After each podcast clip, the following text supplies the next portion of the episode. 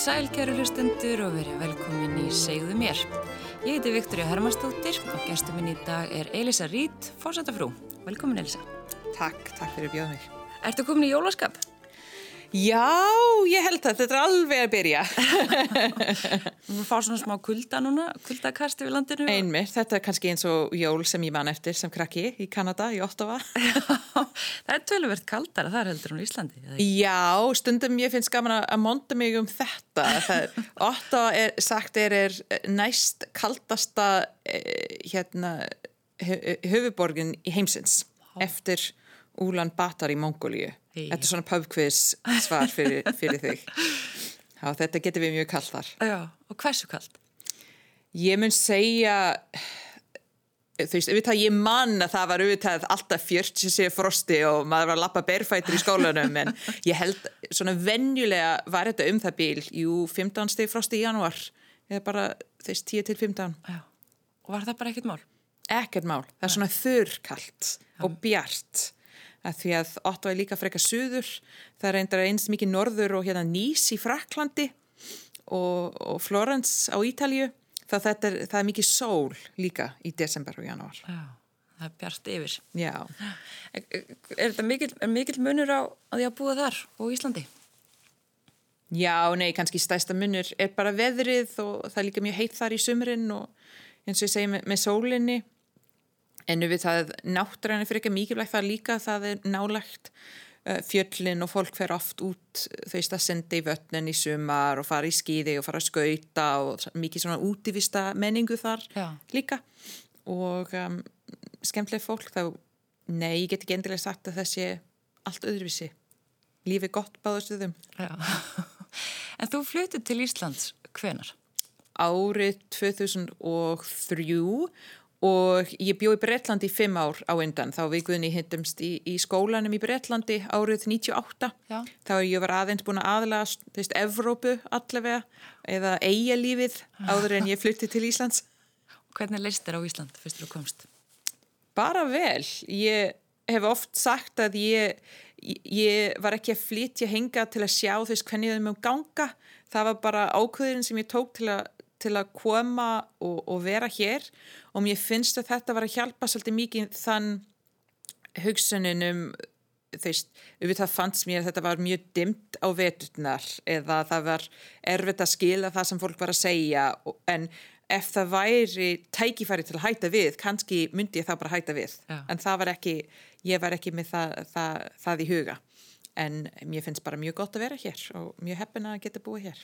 Þú tókst bara ákvörðan strax hér ætla ég að vera Já, all, kannski ekki alla æfi en við guðinu ákveðum allaveg í, í svona mörg ár og maður veit líka að það þýðir að maður, það kemur rætur og maður er búin að kaupa hús og eiga fjölskyldu eða eitthvað slikt en mm. við veitum öll að heimurinn sé miklu minna en þetta var þá Þetta er ekki eins og ég fluti hingað og get aldrei fara aftur til Kanada að heimsækja fjölskyldu eða tala við þau eða, eða ferðast eða neitt hannig. Það stittur á milli dagan var áður. Einmitt, einmitt. Með allir þessi tækni og allir því. Akkurat, akkurat. En hvernig gekk þér til dæmis að læra tungumórið? Ég hef stundum spurt Erlendis þú veist hvað þetta tók langan tíma að læra íslensku eins og ég vaknaði einn góðan veður dag og hugsa bara já ég er búin með þetta, núna ég þarf ekki að æfa mig meira en þetta er við það eitthvað sem er bara í gangi alltaf en ég heppin líka að svona viku eða tíu dögum eftir ég flytti hingað það var einhver búin að hætta við í námskeið í endurmentaskóla Háskóla Íslands og það var lausplás og ég byrjiði þá bara innan við halva mánuð að taka íslenska námskeið. Það var kallað á þeim tíma íslenska fyrir útlendingar og um, ég byrjiði þá með 8 tímur í viku og ég var í fullu starfi líka að læra tungumálið og mér fannst að þetta hjálpaði að því að þetta er, þetta er auðvitað hægt að búa hér alltaf sérstaklega þegar maður er með enska sem móðumál eða tala enska vel mm -hmm.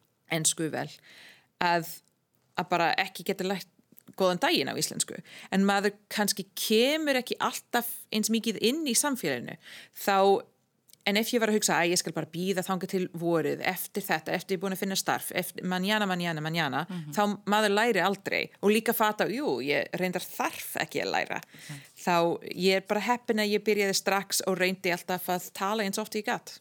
Já, varst aldrei feimið það bara að að tala? Ég, ég, ég tala ennþá bara á ennsku við Guðna ég er feimin að tala íslensku við hann en, uh, en nei, fyrir utan það ég var bara að reyna og ég er búin að gera fullt, fullt af mistökun sem ég get aldrei segja núna ofinberlega en uh, jú, ég er búin að segja margt vittlaus og ég reyndi ég er alltaf að gefa ráð fyrir fólk sem er að læra tungumálið. Ég byrja alltaf að, að segja góðan daginn, ég er að læra íslensku. Og svo gera það sem ég langar að segja svo fólk skipti ekki yfir á ennsku mm -hmm. og svo panta alltaf að minnst kosti fimm af hverju hlutir, svo maður það fyrir að rugglast með þessi þrýr, þrjár þrjú hlutir maður bara allavega fimm kleinur hringir En þú hefur hvart líka fólk af erlendum uppruna sem býr á Íslandi til þess að bara tala? Já, þetta er þessi samróma verkefni um, sem er að sapna röddinn uh, að fólk að tala á íslensku með hreim eða án hreim líka fyrir okkur, svo tækin okkur skilja íslensku. Mm -hmm. og þeir eru við að tala við sirri uh, með símanum eða gegnum sjónvarpi eða Alexu eða hvað þetta er að það líka skilja íslensku að, ég veit ekki, rista, rista bröðu okkar ja. þegar það kemur að því en við getum ekki kenna þess að tæki að, að skilja þetta án þess að hafa fólk eins og ég sem tala íslensku með hreim að, að bæta við okkar rödd þar. Já, en það, það, það skiptir máli bara fólk, já bara þú er í samankort að Íslands kannski lítalösa það ekki. Jú, einmitt. Og mér finnst þetta líka, ég mann það búin að breyta svolítið þessi 17 ára sem ég verið þér, auðvitað er við miklu, miklu fleiri um, sem hlutvar af fólk á landinu sem eru ekki innfætt Íslandingar og, og kannski ekki með íslenska ríkisborgari sumt fólk. En um, fólk var ekki eins vant áður um að skilja íslensku að tala með hreim og mér finnst að það er búin að laga og er aðeins betur núna að fólk sem tala íslensku sem móðurmál sína meira þólunmæli gagkvæmt okkur sem tala við hreim, uh mhm. -huh. að reyna að skilja aðeins betur, að ekki skipta yfir alveg og um, þó við erum ekki með kannski eins breytan orðaforði að það segi samt, þú veist, hægt að spjalla við okkur Já, einmitt Þetta, eftir, eftir að Guðni var fórseti mm -hmm. og þú varst fórseta frú mm. þá hefur þið beittir í alls konar svona verkefnum Já, sem er bara mjög gaman og, og mjög skemmtilegt þetta er eitt svona, þetta er að sjálfsög svo mikið forrættið í að geta sína þessa hlutverki og ekki sísta því að ég á tækifæri til að beiti minni í alls konar málum mm -hmm. um, ég er vendar í nokkra samtakana og, og eitt svona málefni eins og þú nefnir sem er svona nær hjartan minn er þessi mm, málefni eða að tala um fólk erlendar með brunnin hér. Fólk uh, með erlendar ríkisborgarétt eru fleiri heldur en eldri borgarar á Íslandi. Um, en við heyrum ekki rættin okkar svo oft og auðvitað er tungumál áskorun með því.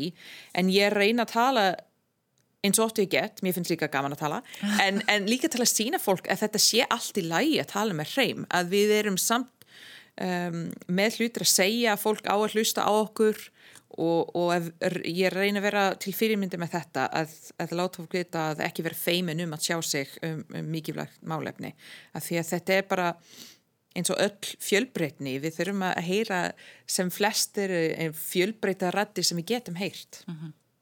og sem oftast já, ég mitt en nú er þið búin að búa á bestastöðum í, í hvað, rúmlega fjögur ár? Já mm -hmm. hvernig hefur þetta verið, hvernig var að flytja allt í náttúrulega bestastæði þetta er svolítið, ég ólst upp í sveit ekki alls ekki svona fínu örstæðin. Og, og ég get ekki sagt að þú veist alltaf þess að í sveitinu. Þetta er aðeins með að kemur aðeins úr svona, svona ís og þýst í borginni með því að keira út á alltanis ég fólk tók svo vel að móti okkar og, og krakkana og, og mikið fugglalíf þar og norðurljósin þá þetta er svolítið kannski blanda af það besta Já. að það er alls konar maður er svona meira nálægt náttúrani en samt það er hægt að kíkja inn í alltanis kaffi og panta sér pítsu eða eitthvað. Já, stutt frá allir þjónustu. Já, já. Og hvernig er samfélagið þannig alltanesi? Uh, eh, bara, bara, bara fínt og það er líka heppin að hafa ung börn af því að það maður kynnast fólk svo miklu meira og fljóttara og um, sérstaklega guðni en ég aðeins líka svolítið, finnst gaman að fara í sundi og það er líka skemmtilegt að spjalla í fólki heitapottin og svona og, og bara jú, frætlega stað til að lappa eða fara út að skokka og þetta er bara fínt Já. Já. Hvernig fannst þér að vera komin í, í svona hlutverk, svo má segja? um, bara mikið forrættið eins og ég segja og mér finnst mjög gaman að að gera þetta og ég hef reynið að vera virk að nota röddin mín ekki síst ekki síst að því sé að kona velendur um upprunnin en líka því að ég er kona kvenkins maki þjóðhöfingjans og mér finnst að í nútíma samfélagi við viljum ekki sína myndið að, að kvenkins maki er einhvers konar skraut fyrir það sem maðurinn er að gera. Og ég er búin að reyna svolítið virkum að, að láta röddi mín heyrast. Og auðvitað það fylst einhvers konar kannski kaltæðni í því að, að ég komi mér þann stöðu að, að ég get kannski hafa áhrif eða fólk er að hlusta á það sem ég segja út af einhvað sem maðurinn minn hefur gerst. Og ég er ákveða að nota það í að tala um ja, einmitt jafnbreytismálum Já. en svo hugsaði ég að við, þvist, það er alls konar ástæðin fyrir því ef við endum í einhver staður og þetta er reynda fyrir okkur að ákveða hvað við ætlum að gera þegar við erum komin þá og þá ég er ekki að stressa mig lengur yfir það, ég ætla bara að gera mér besta í því að tala og, og vera virk og, og, og hérna láta röndi mín heyrast Já. Og talaður eitthvað um að, að, að, að þú vildir ekki vera handtaska. Já, einmitt. Akkurat, þetta var svolítið, ég skrifaði grein í hérna New York Times blaðið um það um daginn eftir því að ég var að sjá Instagram myndin í einhverju fund í Evrópu þar sem all kvenkins makar, um, þjóðleituar og um, fórstisráþarar og svona voru að standa og horfa á sjóin og það var vindurinn að blása þess kjólan þeirra og það var ein, eins og þegar voru einhvað, einhvers konar svona bara það til að vera svona innblástur fyrir hérna mennirnir. Og það er svo miklu meira bak við þetta. Og auðvitað ef maður vilt fara og gera þetta, ég er alls ekki að segja að maki eða kvenskins maki þarf að gera hitta þetta eða þarf að vera aktíf enda er þetta ekki starf og, og ég var ekki kjörin í neitt. En þetta er ákvöðin og þetta á að vera einhvað sem fólk er ekki að hugsa að ég fer bara sem default allstað sem hann er að fara. En hvernig er svona daglegt líf hjá ykkur? það er aldrei eitt dagur einn sem er það sem er svo skemmtilegt með þetta og um, við eigum yfir svona stór fjölskyldu og það var mikið dagleg líf eins og, eins og fyrir allir sem eru með krakkar sem það var mæti í skólan eða verið sótur hérna tónlist eða íþróttir og um, fyrir utan að vera að vera að sína hlutverk sem, sem forstafrú eh, ég stopnaði líka árlega riðlistabúðina fyrir reytumundar á Íslandi og um, er að sína það og núna ég er að skrifa bók. Og auðvitað í ári í COVID þetta er allt búin að breytast. Það er svo miklu minna uh, hlutir, auðvitað maður er ekki að hita fólk eins oft. Þess vegna er ég mjög glöð að vera hér að sjá því með tvekki metra fjalla því eina personu. En, en uh, jú, það er alltaf nú að gera ég get alveg, alveg sagt það Þessar aðstæður í COVID, þið náttúrulega mikið að fara í ofinber búð og mm -hmm. hinga og þangað mm -hmm. háttíðir og, og þetta og hitt. Já. Það hefur allt fallið niður. Einmitt og, og mótugur á bestastöðum og uh, erlendar rástefnu og ferðir það eins, eins og bara allstaður. Það er kannski einhvað sem að finna búin að tengjast okkur í heiminum aðeins að því að það er allstaður í heiminum sem er að gangi gegnum þessu. Mm -hmm. Fyrir mig um, það kannski allaveg hlutverk fórstafrúar búin að vera jafnvel minna auðvitað á guðni sem fórsti mikið hluti sem hann þarf að sína alltaf um, skrifendurlaun og, og, og bara spjalla við fólkið alltaf um, fyrir mig, ég var meira kannski að opna ráðstefnu eða gera einhvað slíkt sem er búin að fella niður núna en það hefur verið hitt og þetta og ég var reyna oft sérstaklega í voru að senda skilabóð á samtakana það sem ég er vendari og um, þá ég, ég er og ég þurfti að breyta aðeins með Ice and Writers Retreat hérna rillistabúðina sem ég stopnaði Já. það verður þau búin að fella niður í april og maður fyrst að vona að það verður aftur í oktober og svo var það ekki og allir í ferðarþjónusta skiluð þetta þessa vandamál og áskorun. En um, já, líka í COVID tíma þá var ég kannski með, maður var að lappa með börni í skólan eða eitthvað og, og þá dætti hug þessi hugmynd að skrifa um konur á Íslandi. Og þá fór ég bara í þessu og, og kom með bara hugmynd um bók og fekk umbóðsmaður úti og, og útgáfarsamning og þá er ég búin að vera mjög mikið á fullu um að skrifa þessu, þessi bók því ég þarf að skila handritið í februar. Það skila handritiðan í februar. Já. Þetta er bók sem fjallar um hvað jafnbrettis baróttu íslenskar kvenna. Já, þetta er, ég kalla þetta stundum svolítið reyndar svona ástabrifi mín til Íslands og þetta er, þetta kemur úr þessu svona glögt að gest auðgjöð pæling og líka minn áhuga málum jafnbrettismálum og Ísland er svo oft nefnd sem besta land í heimi í gæsalappi til að vera kona í en við sem búa hér vita líka að það þýðir ekki að það sé fullkominn bara langt frá því. Auðvitað það er margt sem við erum að gera rétt en margt sem við þurfum að bæta við. Og ég vildi bara aðeins að, að skrifa eða teikna myndir um hvernig þetta er þá að búa í svona jafnbryttisland fyrir konur.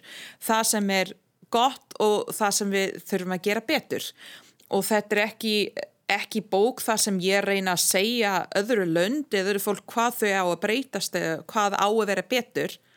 Bara reyna að nota svona skemmtilega sögu til að teikna og, og gefa fólk bara ímyndu um hvernig þetta er á Íslandi. Og ég vona að þetta sé svona skemmtileg og áhugavert en líka raunverulegt mynd. Þá þetta er ekkert einhvers svona polyana glansmynd um landinu.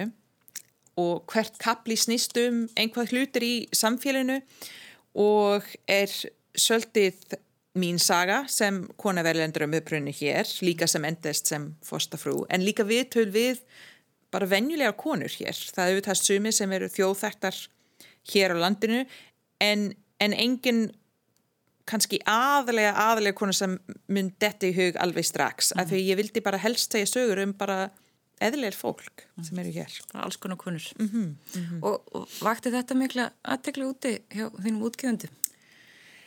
Já, ég bara, ég, ég vona það, ég er allavega komið með svona ágættis hérna útgafasamning, þá ég er ánað með það og mér finnst að þetta sagan, þetta er sagan sem við viljum heyra núna, þetta jafnbreytismálum eru mjög heitt ef maður getur sagt núna einhvern veginn spjallum, fólk vil bara heyra um það.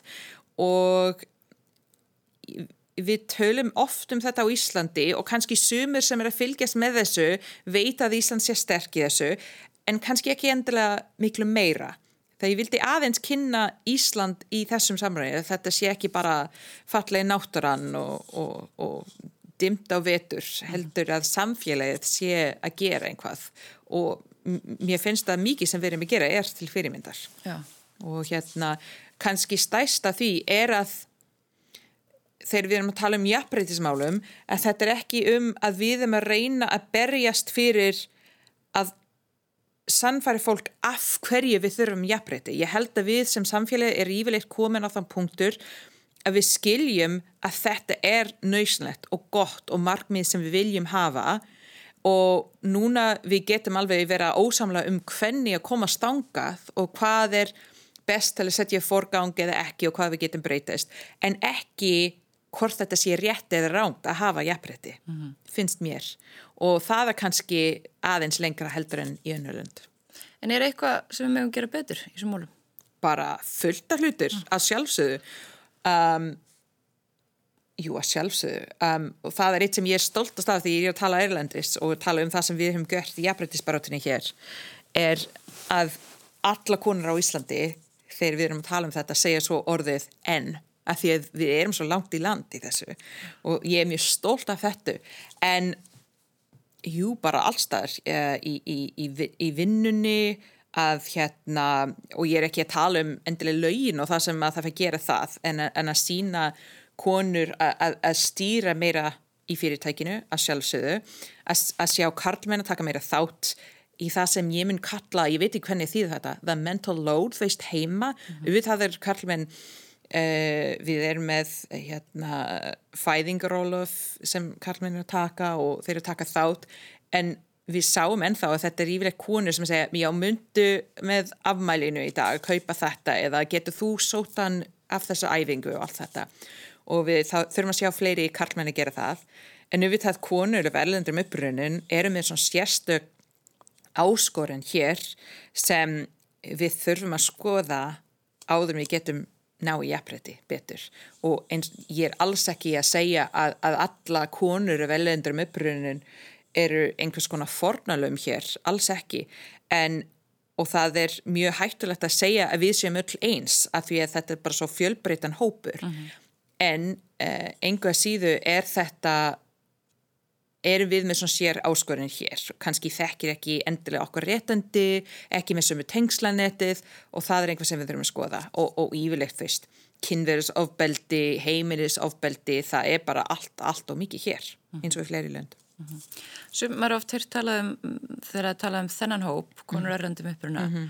að það er svona upplifur sig ekki alltaf alveg hluta af samfélaginu. Mm -hmm. þess að fá ekki alveg að vera með Já. og það séu hluta af samfélaginu. Já, emmitt, emmitt Þetta snýst kannski, ég segi bara um að taka plás ég hef alltaf bara hugsað fyrir mig persónlega að ok, ég er hlutir af samfélaginu og ég ætla bara að haga mig eins og ég er það. En ég þekki líka að þetta er erfitt að komast inn í samfélagi þar, þar sem allir var búin að vera í skólan saman eða með tengda fjölskyldu eða sama saumaklubur eða, eða einhvað slíkt. Þetta er svolítið erfitt aðeins að komast inn og, og þú veist það er enginn sem flýtur hingað og tala reyð breynandi íslensku ekki eins og í, í mörgum löndum mm -hmm. þá tungumálið er mikilvægt en það er ekki samt hægt að nota tungumálið sem aðstæðin fyrir því að ekki um, ráða einhver í starfinu eða, eða bjóða þeim í mat eða út með vinsinum og svona mm -hmm. og það, en það tekur tíma og það er mikið áskorðan og ég held að ef erum tann um jafnbreytismálum þetta snýst um að, að hérna að hugsa um þú veist mentun og bakgrunum þessar konur og ekki alveg setja þeim í flokka þeim að gera einhvað starf sem kannski passar ekki endilega með myndinu þeirra mhm. -huh. og bara hafa meira ofin hugmyndin og sjá, wow, þetta er hún er búin að gera þetta, þetta getur nýtt svo vel hér og Íslandingur þú veist, við erum svo almennt svo gott um þetta við, við erum allt með alls konar hattar þegar við vinna einhver starf mhm. -huh. og fólk flýtir ofta milli uh, ekki kerfið en þeir slutir í, í, í störfin sín og við erum yfirlegt mjög duðlega að sjá hvernig þeir geta passað. Maður er búin að vinna í bladamenska og fara yfir í hérna, almannatengslu eða einhvað slíkt. Kanski ekki endilega með fólk sem er með reynslu erlendis sem getur nýta sig vel. Uh mhm. -huh. Og svo auðvitað þetta tengslanet, ef maður er að tala um heimilisofbeldi til dæmis, það, það konur á ekki endilega fjölskyldur sem það getur leita til ef það er vanda hjálp eða, eða að þekkja kerfið. Um, og, og, og, og hvað leita til, hvað, hvað, hvað réttindi með þér á, þá það eru alls konar. En það eru ímsar áskonunir þarna. Já, en ég, það eru ímsar áskonunir sem ég segja, en ég er bara mjög bjart sín, ég, ég vil bara vera meira þannig og bókinn sem ég skrifið til dæmis er bara mjög bjart sín bók Já. og eh, ég vil ekki Já, þetta er auðvitað maður þarf að nefna áskonum, við þurfum alltaf að gera betur, við þurfum alltaf að vera meðvitund um það og ekki, vera, ekki hætta við í bárutinni en það er margt sem við erum að gera og margt sem við erum að vera stolt af, margt sem ég er stolt af sem konu velöndur með brunn hér og, um, og ég vil ekki gleyma því. Nei. En uh, þegar við erum þetta við Kanada, mm -hmm. er þetta öðru sér þar? Er þetta líkt?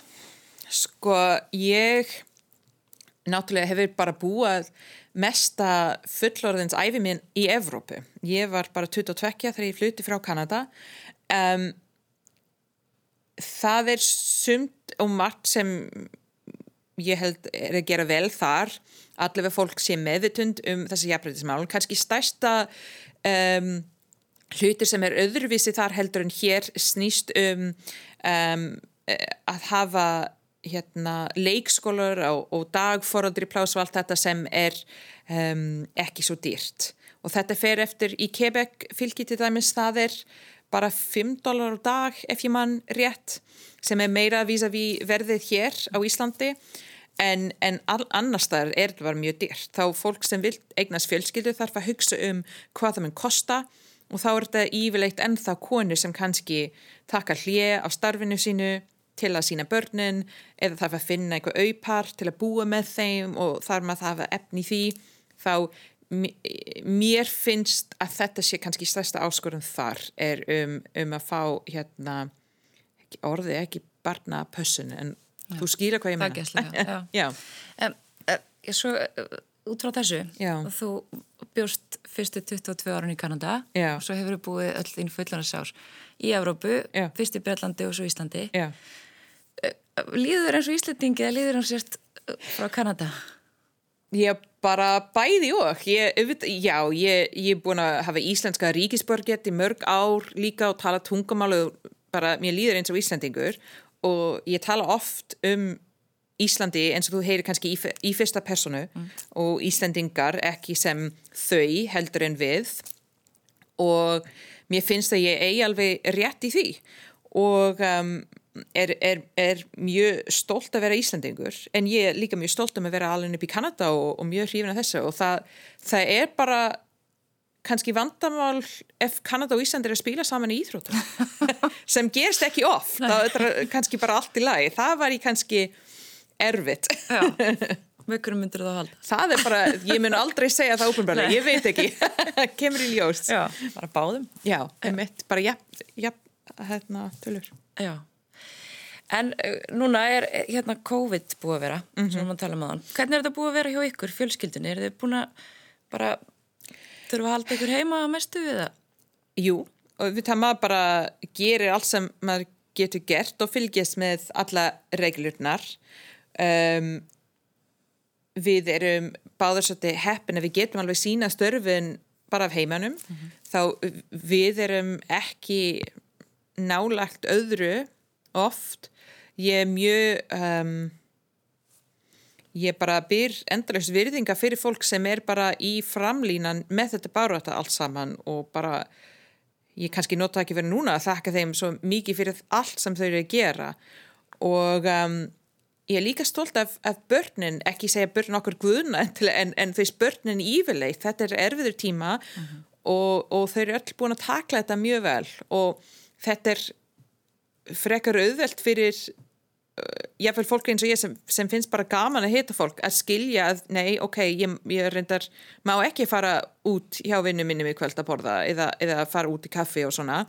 En fyrir unglingskrakkar eða krakkar að segja veist, nei, þið megi ekki fara í sundi saman og reyn, reynist ekki að hitast, það er miklu erfiðra þá þau eru búin að standa sig ótrúlega vel í þessu, alla krakkar Maður finnur það núna að fólk er orðslega þreytt. Já, Það eru þreytt á þessum takmörkunum og þetta er búið að lengi og, Já, já. og allt þetta. Já. Hvernig heldur við um eftir að koma út úr þessu? auðvitað við bara, ég er bara bjart sín manneskinn, við komumst út úr þessu vel, það er bara mikið áskorun þegar uh, faraldurinn sjálfur er búinn þá verður bara mikið áskorun út af hagfræðikerfið og komast þetta allt í gang aftur, en þú veist Íslandingarnir hér á, á þessu eigu hefur bara grípa við og glíma við hérna alls konar vandamál og alltaf koma í gegnum þetta. Þá ég er ekki hægt við það en núna tökum við þetta bara eitt dag í einu. Við ber, gerum okkur bara besta og, og það, það er ekki hægt að gera annað, bara hlusta taka ábyrgð, gera okkur besta taka eitt dag í einu reyna að fá sér svona fersk loft og, og reyfa staðins svo, svo við erum ekki öll fast inni Já. tala við fólk sem við vitum kannski er meina svona einmannalegt En nú, þú ert lærður sagfræðingur, þegar ekki? Mm -hmm. Og Guðna líka. Jú. Er ekki uh, allt öðru sér fyrir sagfræðing að upplega svona heimsvarð? Æ, ég veit ekki, kannski fyrir sagfræðingur sem eru svona sérfræðingur í heimsfaraldurinn.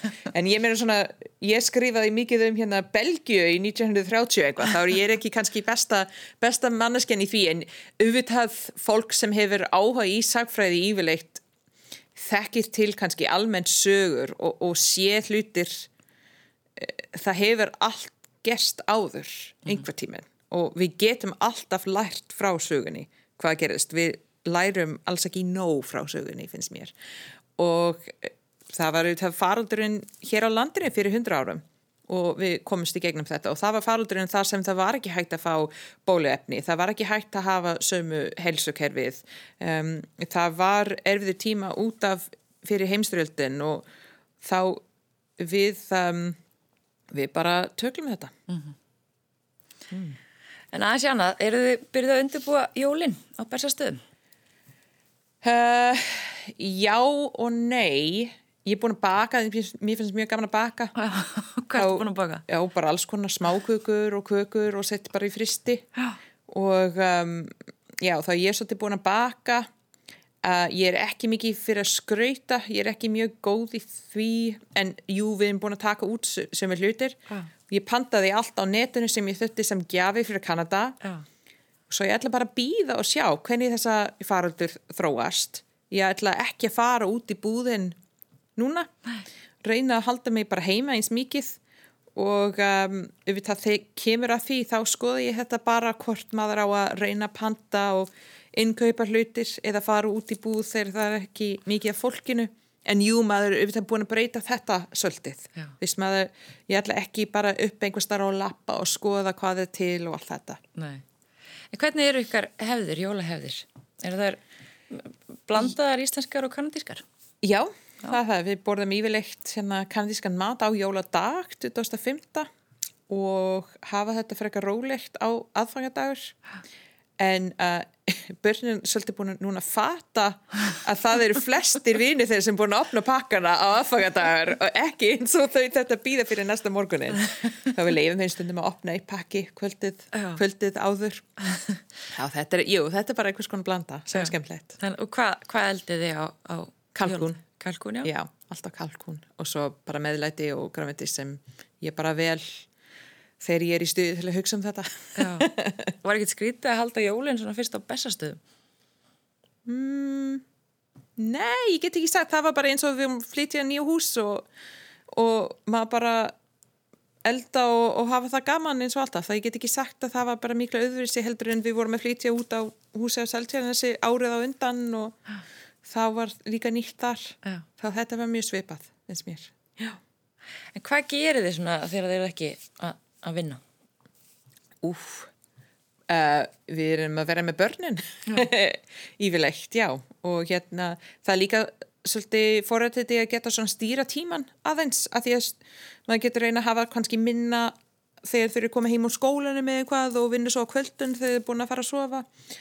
Um, Já, við gerum bara mikið, mikið með börnin og ég er mikið fyrir að baka og, og lesa og allt þetta, allt þetta gaman. En eins og allir sem á krakkar vita, það tekur svolítið mikið tíma og maður vilt auðvitað þessa tíminn fer svo hrætt. Maður vilt auðvitað nýta tíma með þeim á meðan. Nema að þau eru komin á þennan aldur og þau finnst þetta ekki kannski eins gaman að hanga með mömmu heldur ekki á vinnu sinum. Þau eru á hvaða aldri? 7, 9, 11, 13. Já, þannig að það er mikið fjör. Já, það er mikið fjör. Já, Alltaf skemmtilegt. já. Og e, e, þú ert að, klára þessa bók núna, mm -hmm, eða þú ert að skila handritaðin að Já, og skila handriti í februar þá ég er bara að skrifa, skrifa allan dag. Og þetta er þetta er mjög gaman. Ég hef aldrei skrifa bók áður. Ég vann sem blaðamaður hér í nokkur ár og hefur skrifað mörg, mjög marga greinar en aldrei svona heilt bók. Þetta er aðeins svona öðruvísi pæling. Og um, og mjög skemmtilegt líka að, að hérna jú, þú veist fyrst þegar ég þurfti að skrifa svona nokkra dæmi kapli og yfirlít um hvernig bókin er verið til að selja bókina og útgef, útgefindu og þá er líka maður svolítið bara ó, hvað myndið þið hugsa um mig þetta segir nei, þetta, er þetta ég Já. en um, jú, þá þetta er mjög þetta er svona, svona stressandi í, í jákvæðin hátt og, og mér finnst þetta bara mjög gaman og er búin að hita margra konur, taka mörg, marg, ég veit ekki viðtöl Já. og, og það er líka mjög skemmtlegt og, og ég er bara mjög þakklátt fyrir þetta að fólk hefur tekið svo vel á móti hugmyndin og verið tilbúin að spjalla við mig og, og allt þetta. Þetta er bara mjög gaman og ég hlakka mikið til, til að fólk getur lesa bókina. Og hún á að koma út hvenar? Bara ekki fyrir en vor 2022, þetta er bara heilt ár e eða aðeins meira eftir maður er búin að skila auðvitað maður það að fara og, og breyta til og gera hlutir og allt þetta. En þetta er mjög langt ferill erlendis og þeir þarf að bóka alls konar markasefni og hvernig þau eru að auglýsa þetta og ég fer bara, þetta er svona rúsipanni sem ég þekkir ekki, ég bara fer inn og, og setja belti á og fara bara vera með í ferðinni. Já. Það, þetta er skemmtilegt, já Mm. Eilisa Rít, fórsetafrú, kæra þakkir fyrir komuna í Segjum mér. Takk fyrir, takk fyrir.